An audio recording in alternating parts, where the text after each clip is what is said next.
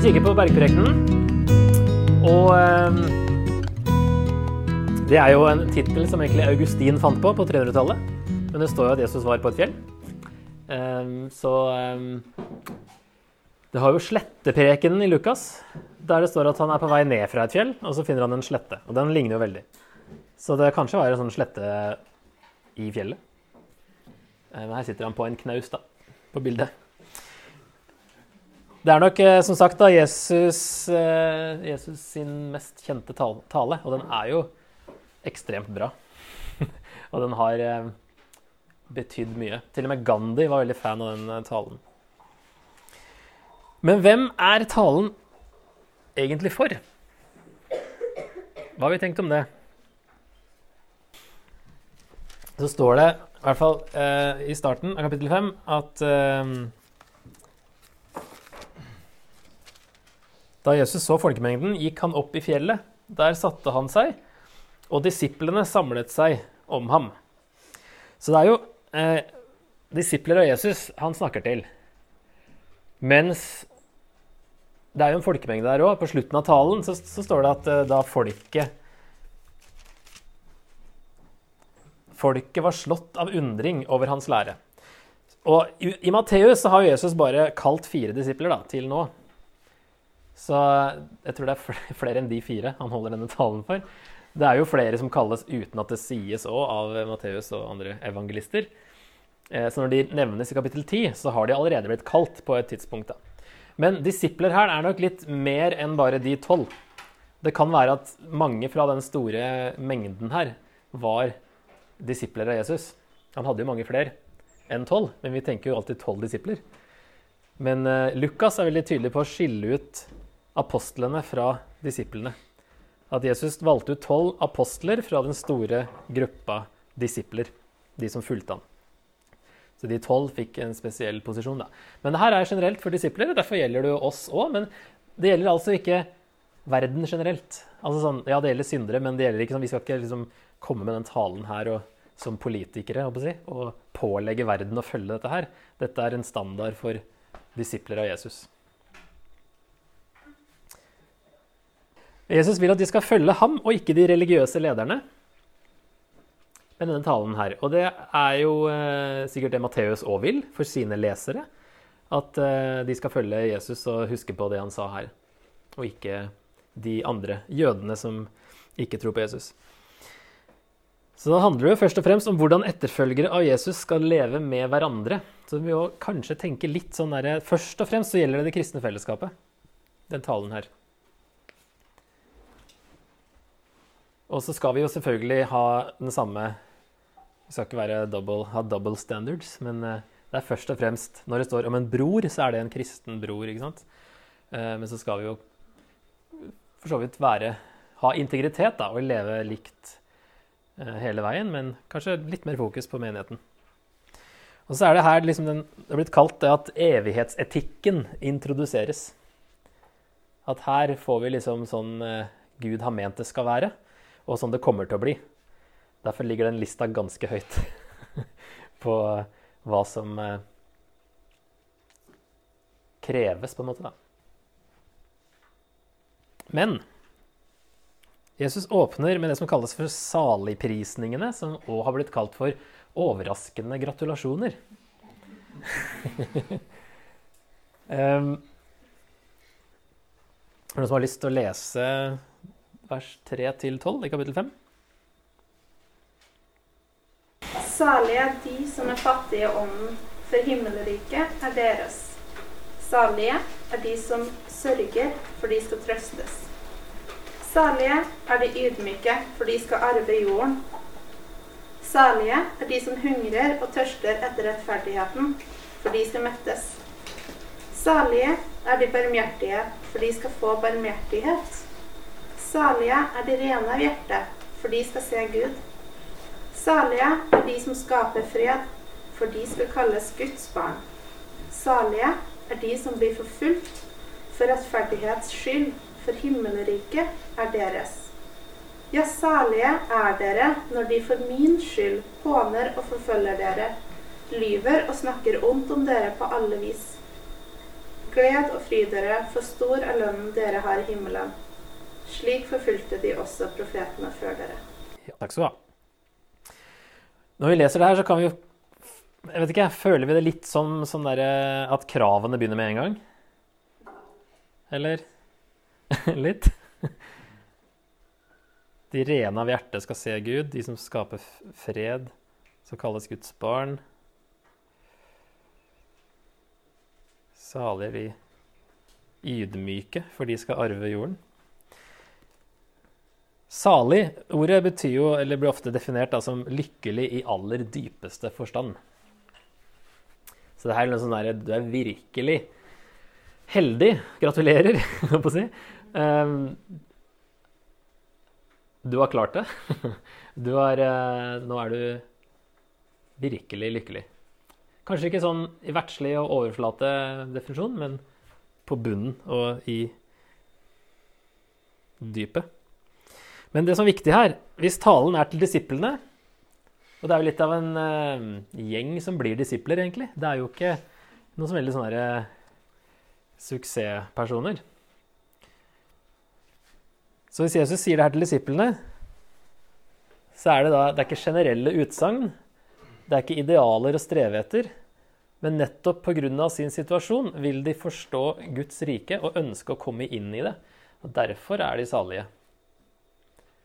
Fordi det er jo fattige og de uten noe innflytelse i det samfunnet, og mange var sjuke. Eh, det er liksom de lavere nivåene som var de som fulgte Jesus, da, først og fremst. Så kom det seg etter hvert inn i de høyere sosiale lag, eh, spesielt da rundt om i Romerriket, gjennom mange av de rike kvinnene som må komme til tro etter hvert. Men det starter jo liksom med Og disiplene som Jesus, de tolv som han kaller det, er jo fiskere og tollere og en opprører. Han Simon Seloten var jo en sånn skikkelig antiromer. Um, så har du han mot Matteus, som jobba for romerne, som var en toller. Det var to veldig ytterpunkter. Og Jesus bare 'Du kan bli med, du kan bli med'. Judas. Ja da. Så eh, en sånn herlig blanding folk som reflekterer litt av den store mengden. Så det her er egentlig løfter til, eh, om frelse til mennesker i nød, som peker framover mot den dagen Gud griper inn. Og står, alt står passiv, med passive verb, altså de skal trøstes, de skal mettes. Og da er det også en sånn omskriving som ofte betyr at det er Gud som er subjektet når det er en sånn passiv i evangeliene. Så det blir, ikke, det blir ikke krav og idealer, men det blir faktisk gratulerer, dere er de heldige. Fordi dere er i en situasjon dere er, så kommer dere til å faktisk eh, komme inn i Guds rike. Altså de laveste i romerske samfunnet var de første som kom inn i Guds rike. På den måten, da. Um, Situasjonen blir snudd, eller de loves en belønning i disse 3-6 eller 7-10.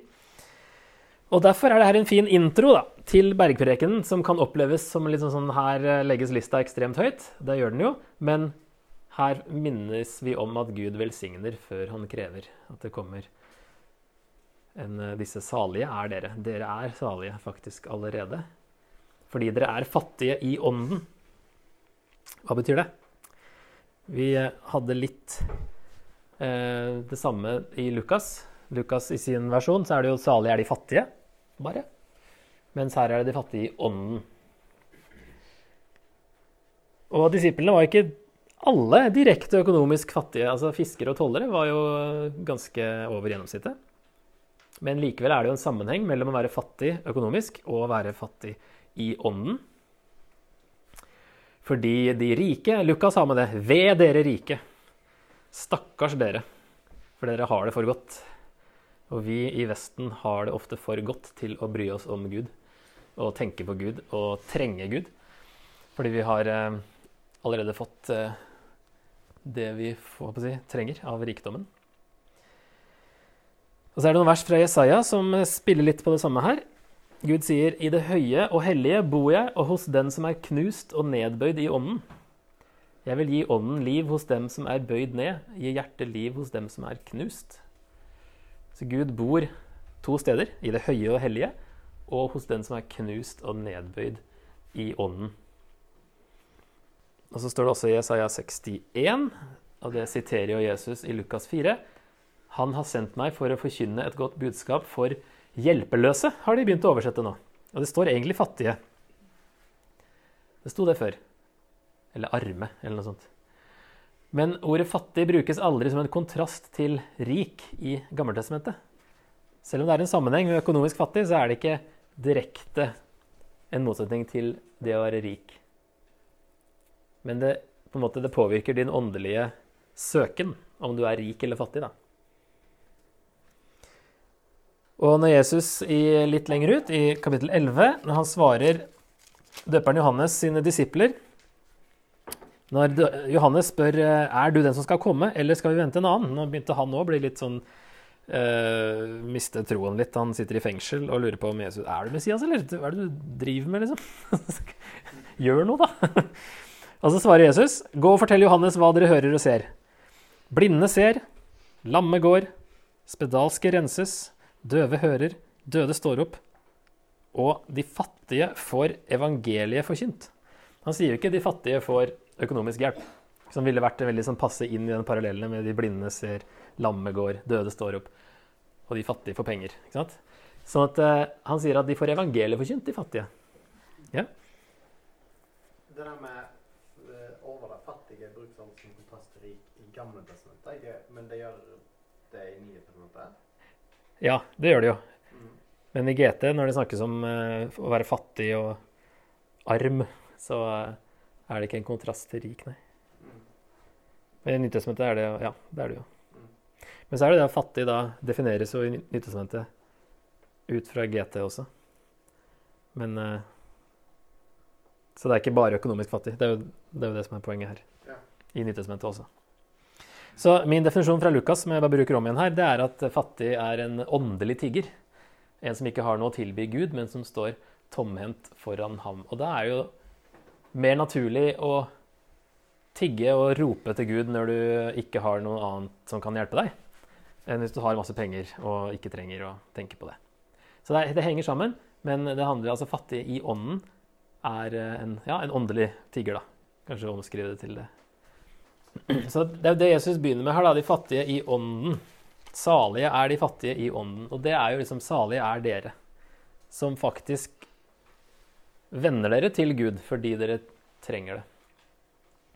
Og da blir det noen av de, da. Salige er de som sørger. Det betyr jo ikke at alle som sørger, skal trøstes, men i denne situasjonen her så er det også fra Jesaja 61. Der står det 'Han har sendt meg for å trøste alle som sørger'. Så det er jo henger veldig sammen med det. Og det reflekterer trolig deres åndelige situasjon ut fra da vers 3, fattige i ånden. Fordi de var fattige og uten innflytelse, maktesløse, ville de generelt være åpne for evangeliet og derfor salige. Og de sørger for mye som skjer. De er sjuke, og de har ikke penger, og de trenger hjelp. Og, og sånne ting. Og Jesus sier kjempebra. Dere er salige. Dere skal trøstes. De ydmyke skal arve jorden. Det betyr jo ikke at uh, uansett om du tror på Jesus eller ikke, bare du er ydmyk, så skal du være med å arve jorden. Det er jo ikke det det betyr. Det er ikke generelle utsagn. Men uh, ydmyk på den tida her òg, det var jo sett på som en brist. Det er ikke noe positivt, sånn som for oss. Disiplene var i utgangspunktet ydmyke når de ikke kunne hevde sin rett. De svake, liksom. De som var under. Uh, så salig er dere som ikke kan deres rett. Da. Dere skal arve jorden.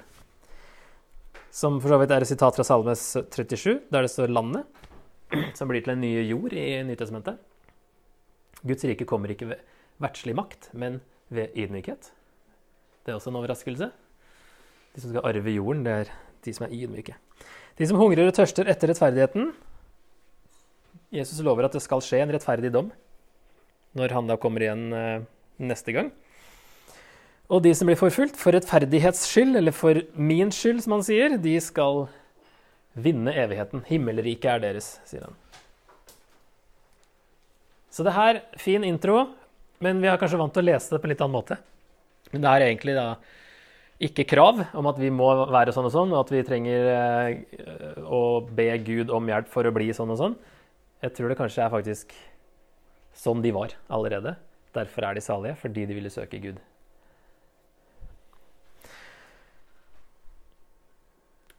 Så kommer liksom påstanden i talen da, etter denne introen, når Jesus sier at 'jeg er ikke kommet for å oppheve, men for å oppfylle'.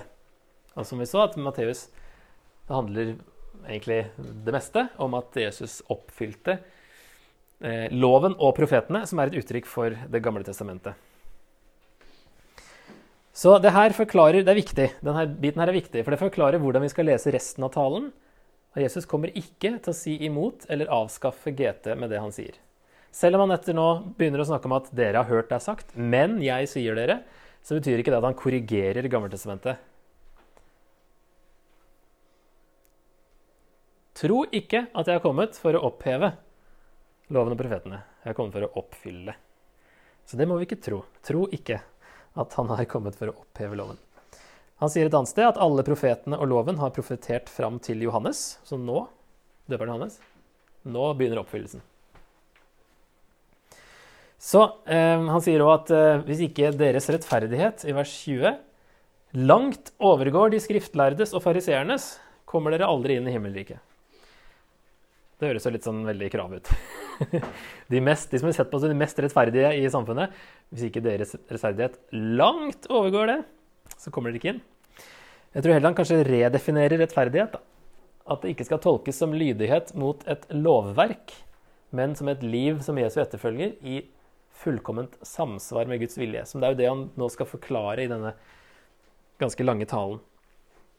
Hva som er egentlig Guds vilje med loven. Hvordan loven egentlig var ment å fungere. Sånn at hele GT gjelder for Jesu etterfølgere, men det kan ikke tolkes rett før man forstår hvordan det er blitt oppfylt i Jesus.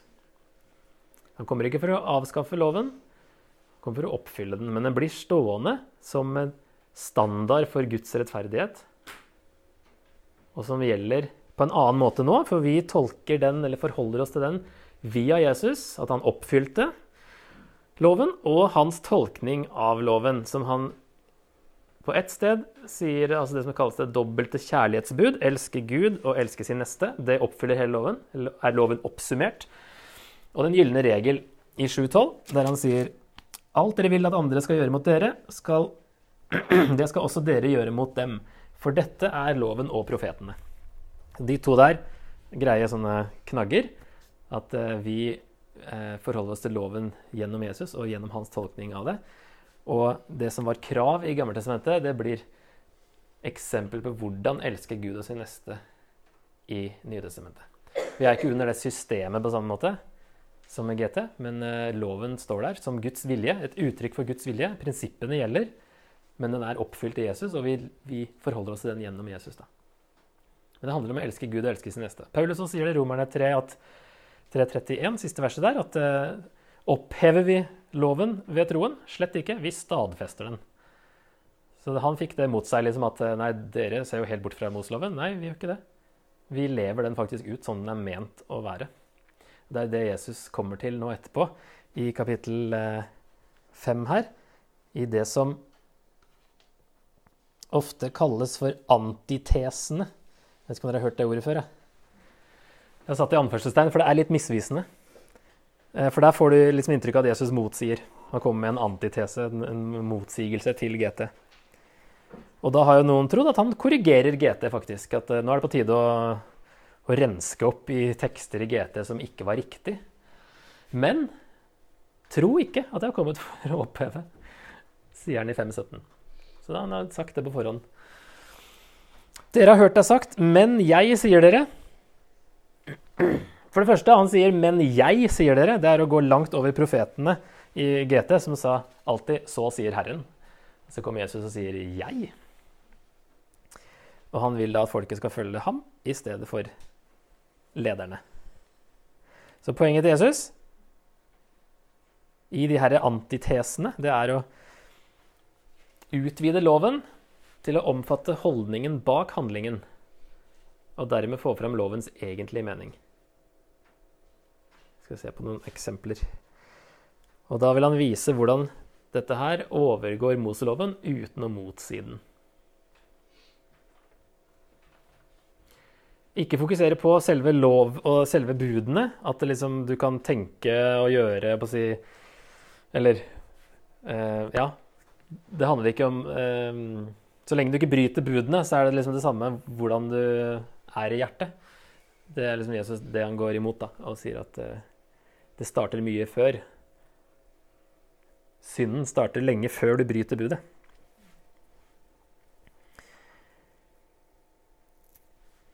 Så nå har jeg én linje på hver disse antitesene for å oppsummere de. Eh, I hvert fall sånn litt. Den første du skal ikke drepe, sier han. Dere har hørt deg sagt til forfedrene du skal ikke slå i hjel. I vers 21. Den som slår i hjel, skal være skyldig for domstolen. Men jeg sier dere, den som blir sint på en bror, skal være skyldig for domstolen. Og den som sier til sin bror 'din idiot', skal være skyldig for det høye råd. Og den som sier 'din ugudelige narr', skal være skyldig til helvetes ild. Kraftige ord. Eh, så Jesus sier at eh, du skal ikke drepe. Det, der eh, legger han lista mye høyere og sier du skal ikke Altså sinne og strid, det er det som er synd, og det kan jo eventuelt føre til mord. Men det, liksom, det starter mye lenger bak, da. Som sagt, først og fremst kristne fellesskapet. Eh, snakker videre om å, gjøre opp. Å forlikes før du kommer til Gud. Så det er eh, Gud kan vente. At det, det kristne fellesskapet må ikke bli ødelagt. Så sier han du skal ikke bryte ekteskapet i den neste. Dere har hørt deg sagt, du skal ikke bryte ekteskapet. Men jeg sier det, den som ser på en kvinne for å begjære henne, har allerede begått ekteskapsbrudd med henne i sitt hjerte. Så begjæret er synd, og det kan jo føre til ekteskapsbrudd. Og han sier altså Den som ser på en kvinne, der ser vi på gresken at det er en sånn eh, vedvarende stirring. det er ikke bare et blikk. Hva var det, det var 15 sekunder som var grensa for metoo? Var det noe sånt? det høres lenge ut, det er 15 sekunder. Men det er liksom en stirring, og så er, og så er poenget for å begjære henne. ikke sant? Det er en hensikt med den stirringa. Det er ikke det at du bare tilfeldigvis legger merke til noe, ser noen. Men uh, der, der begjæret, der starter det. Der starter synden. Skilsmisse er OK, sa de um, um, det er sagt, den som skiller seg fra sin kone, skal gi henne skilsmissebrev. Bare du gir henne skilsmissebrev, så er det greit. Da kan du skylde deg. Jesus sier at nei, det er bare greit hvis grunnen er hor. Men jeg sier dere, den som skiller seg fra sin kone av noen annen grunn enn hor. Og så, så han strammer inn den kraftig, og det var en debatt som pågikk på den tida her. Jesus tar de konservatives parti, mens de liberale de, de, de, diskuterte et ord i Moseloven når det står at hvis han finner noe som byr ham imot, i kona si, så kan han sende henne bort fra seg. Hva betyr det? det som byr han imot? Og da vil noen si liksom at ja, hvis hun svir middager en dag, så er, det, så er det nok til å skille seg. Men Jesus sier nei, det er ikke nok. Strammer inn kraftig på den. Du skal ikke sverge falskt, sier han. Og at du skal holde det du har lovet Herren med ed. Det er det de har hørt det er sagt til forfedrene. Men jeg sier dere, dere skal ikke sverge det hele tatt. Så vær troverdig uansett, og ikke bruke Gud for å øke egen troverdighet. La ditt ja være et ja, og et nei et nei. Alt som er mer enn det, er av det onde. Og så er det den som ofte blir misforstått. Eh, dere har hørt deg sagt øye for øye og tann for tann. Men jeg sier dere, sett dere ikke til motverge mot den som gjør ondt mot dere. Om noen slår deg på høyre kinn, så vend det andre til. Vil noen saksøke deg og ta skjorten din, så la ham få kappen også. Om noen tvinger deg til å følge med én mil, så gå to med ham. Gi til den som ber deg, og vend ikke ryggen til den som vil låne av deg. Øye for øye, tann for tann tenker vi er sånn herre du skal hevne deg. At det er det det betyr. Men det betyr egentlig eh, du skal ikke hevne deg for mye. Ikke mer enn et øye for et øye og en tann for en tann. Det var en sånn begrensende lovgivning. Ikke ta helt av i den der når du skal gjengjelde. Det skal ikke bli verre, ikke sant? Og så tror vi at uh, i Gammeltestamentet så var det sånn. Da skulle du, og da måtte du liksom hevne deg. Men Jesus uh, korrigerer og sier noe annet. Nei, han sier uh, egentlig at ikke, ikke benytt deg av den retten til hevn. Tål å bli fornærma. Det er jo en klaske på kinnet, det er en fornærmelse, det er ikke vold, liksom.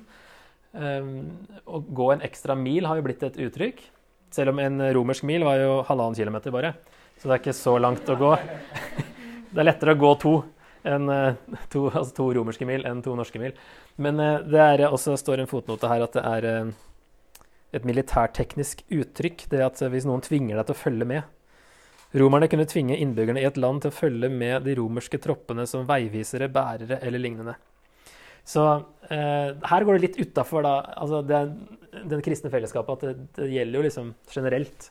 Hvis en romersk soldat kommer og tvinger deg, så liksom ja, jeg kan bli med en mil til, jeg. Ja.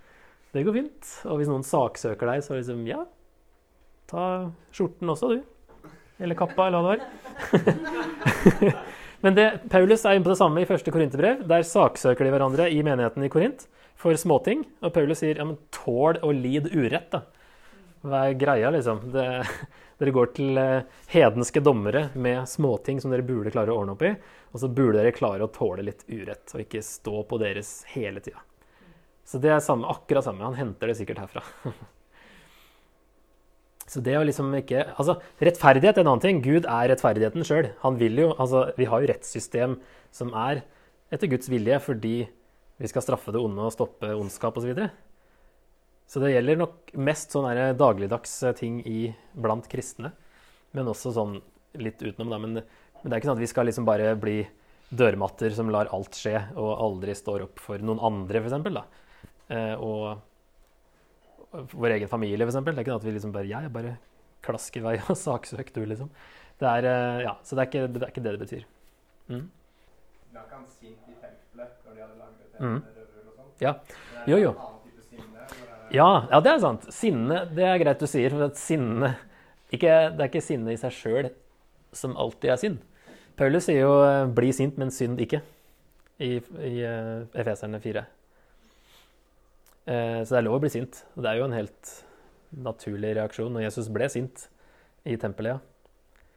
Eh, så det er jo eh, når sinnet her går utover noen andre, da. Når du kaller noen for idiot og ugudelig narr og sånne ting, da er det synd. Men ikke, det er lov å bli sint. Du ser litt tvilende ut. Ja, ja. Ja, absolutt. Ja. Ja, at, at, ja sånn ja, at det, det gikk utover andre. Nei, da må det, altså siden Jesus var syndfri, så må det være lov å gjøre sånn. Du må definere andre veien.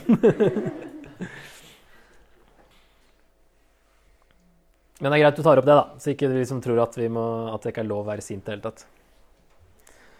Bli sint, men synd ikke. Den er grei huskeregel. Så den siste. Dere har hørt deg sagt, du skal elske din neste og hate din fiende. Hvor i all verden står det at, i GT at du skal hate din fiende?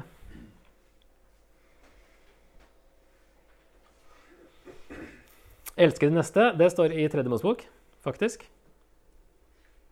Det var et sånt sitat Kanskje det var et meme, det husker jeg ikke.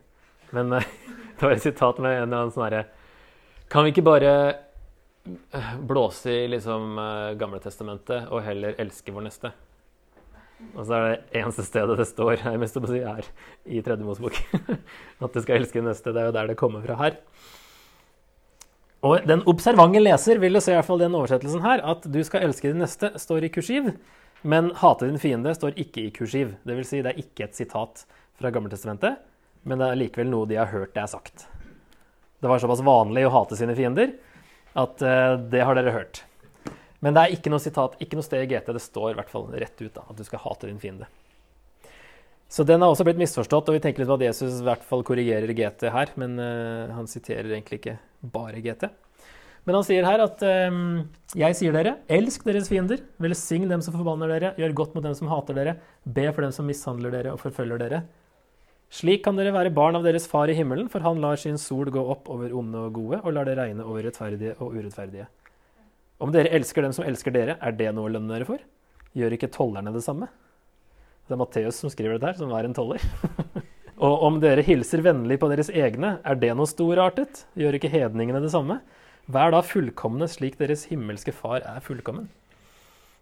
Gud lar det regne på alle uansett. Gud elsker alle mennesker uansett. Alle er skapt i Guds bilde. Derfor, ved å være som Gud, så kan vi, altså, vi kalles til å elske fiendene våre. Um, sånn som Gud elsker alle. Alle behandler sine egne bra, så det er ikke noe spesielt. Men vi den standarden vi kristne skal ha, det er at vi faktisk elsker fiendene våre. Og prøver å se litt bak ondskapen. Hva er det som ligger bak der? Hvordan kan vi elske fiendene? Det er sikkert ikke så lett. Ja, vær så god. Det, det høres i hvert fall ikke ut som at han skriver til hedninger. Nei, når han sier eh, Ja, for du tenkte på det med at han nevnte hedninger her, eller? Ja. Det høres ikke ut som han da skriver det for hedninger. Nei. Nemlig. Og derfor er det Lukas Han skriver jo til hedninger. Det er jo det mest hedenske. Og han bytter ut ordet hedning med synder. For ellers så blir det litt sånn rart. Når jeg skriver til hedninger, og de får skikkelig kjeft. Så det, er, det betyr jo syndere fra et jødisk eh, ståsted. Så er jo det han mener. Å snakke deres språk, da. Det siste eh, verset kan også liksom være en oppsummering på alt her. Det å være fullkommen som deres himmelske far er fullkommen. At det ikke er et uoppnåelig ideal, men en oppfordring til å bli mer lik Gud, som forklart i kapittel 5.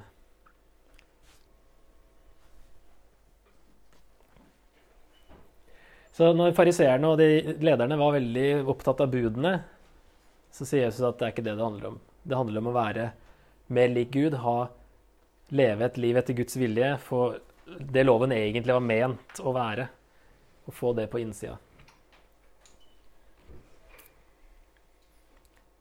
Så han korrigerer kanskje fariseernes tolkning av loven, men han korrigerer ikke Moseloven sjøl. Så på slutten så er det en eh, sånn eh, oppfordring til å gjøre noe med det du har hørt. Nå hopper jeg glatt over kapittel 6 og 7 og går helt til slutten. Hver den som hører disse mine ord og gjør det de sier, ligner en klok mann som bygde huset sitt på fjell. Regnet styrtet, elvene flommet og vindene blåste og slo mot huset. Men det falt ikke, for det var bygd på fjell. Så han avslutter her med, for å få folk til å tenke over hva han har sagt, og for å da praktisere det. Ta det over i handling. Så den som hører disse mine ord og gjør det de sier Ikke sant? Ikke bare hør, men gjør. Da er du klok. Så en, er du klok, så lever du etter bergprekenen og alt det andre Jesus sa. Men spesielt den talen her, den konteksten står i da. Hva er den som hører disse mine ord og ikke gjør det de sier, ligner en uforstandig mann som bygde huset sitt på sand. Og regnet styrtet, elvene flommet, vindene blåste og slo mot huset. Da falt det, og fallet var stort. Hvem er det som er uforstandig? Den som Hører og ikke gjør. Det er ikke den som ikke hører, den som aldri har hørt bergpreken. Det er ikke den som er uforstandig. Det er den som hører det, men ikke gjør noe med det. Han kaster fra seg denne visdommen. Og Jesus sier senere i kapittel 24.: Himmel og jord skal forgå, men mine ord skal aldri forgå. Så her er tidløse sannheter. Og det beskrives jo Gud som et fjell også i GT. da, Mye. Så det er, liksom, det er både det at huset står støtt på et fjell, men du bygger på Gud og Guds visdom. Um, du blir sterkere, står støtt, men du bygger på, fordi du bygger på Gud. Da.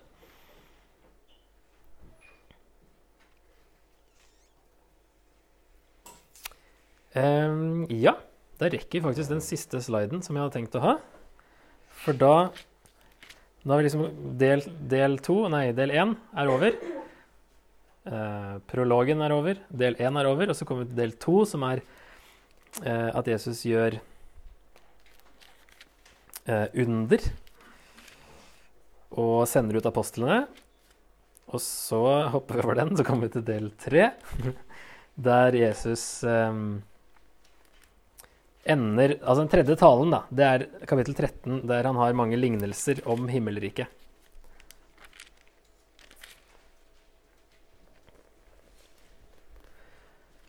Så det blir én, én side om alle disse lignelsene. Eh, såmannen er jo den eh, første her, og den finner vi også i Markus og Lukas. Det er jo han der. Eh, så der er poenget at Guds rike har varierende respons. Du sår ut ordet, og så skjer det forskjellige ting. Som vil være oppmuntrende for eh, si, de kristne på starten her, da det så ganske lite ut. Jesus hadde kommet, var Messias, men, eh, og så dro han igjen. Og så hadde liksom ikke Guds rike kommet eh, på jorda. Hadde ikke skjedd noe særlig endring, egentlig. Og så var det bare en liten gruppe som, hadde, som trodde på Jesus. Og så virka det litt som det hadde slått feil. Men så er det noen lignelser her som oppmuntrer dem til å si at eh, ikke bare har det varierende respons òg, altså det er ikke alle som, som kommer til å tro, eh, men også at menigheten er en miks. Ugress i hveten og fiskenoten. Det er to lignelser som har det samme poenget. Det fins både gode og onde si, i menigheten. Da. Og at vi skal ikke prøve å skille ut det, eh, men at Gud skal skille det i dommen. La ugresset vokse sammen med hveten, sier han eh, bonden i den lignelsen. Og så er det sennepsfrø, og surdeigen som, som, er det poenget med at Guds rike begynner smått, men vokser i det skjulte. Det er usynlig og bitte lite i starten, og så blir det kjempesvært. Så det er jo en oppmuntring da, til oss òg, for så vidt, men spesielt de der i starten, da det virka som det hadde ikke skjedd så mye når Jesus kom. Guds rike Messias. Det var liksom annerledes enn de hadde trodd. Skatten og perlen det er to veldig korte som står etter hverandre, om at himmelriket er mer verdt enn alt annet. Så oppsummerer da med at Guds rike er annerledes enn de forventet. Disse lignelsene. Matteus har nok gruppert dem i ett kapittel. Det er mer sannsynlig det enn at Jesus sa alle lignelsene på en gang. Det kommer jo flere for så vidt senere i Matteus òg. Men eh, Markus òg har lagd et kapittel med masse lignelser for å kategorisere litt. Og så sier Jesus litt om hvorfor han eh, taler i lignelser. Da kom disiplene til ham og spurte, 'Hvorfor taler du til dem i lignelser?' Han svarte, 'Dere er det gitt å kjenne himmelrikets hemmeligheter, men dem er det ikke gitt.' For den som har, skal få, og det i overflod. Men den som ikke har, skal bli fratatt selv det han har. Derfor taler jeg til dem i lignelser, fordi de ser uten å se, de hører uten å høre eller forstå. På dem blir dette profetordet av Jesaja oppfylt. Dere skal høre og høre, men ikke forstå. Se og se, men ikke skjelne. For dette folkets hjerte er blitt fett. Tungt hører de med ørene, øynene har de lukket til, så de ikke kan se med øynene, ikke høre med ørene, ikke forstå med hjertet, og ikke vende om, så jeg får helbrede dem. Men salige er deres øyne, for de ser, og deres ører, for de hører. Sannelig, jeg sier dere, mange profeter og rettferdige ønsket å få se det som dere ser, men fikk ikke se det, og høre det som dere hører, men fikk ikke høre det. Litt kryptisk, men noe sånt som at lignelsene gjorde budskapet tilgjengelig for de som var åpne for det, før Jesu død og oppstandelse. Før han har liksom gjort alt han kom for å gjøre, og det blir klart i ettertid hva dette gikk ut på, så forteller han om Guds rike i lignelser. De som har fått en åndelig innsikt, vil forstå lignelsene og få enda mer innsikt. Det er et sånt rart vers her, da. Den som har, skal få, og det i overflod. Men den som ikke har, skal bli fratatt selv det han har. I Lukas står det skal bli fratatt selv det han tror han har. Um, men det ligger samme ord bak, um, bak gitt og få. Dere er det gitt å kjenne himmelrikets hemmeligheter, men dem er det ikke gitt. For den som har, skal få.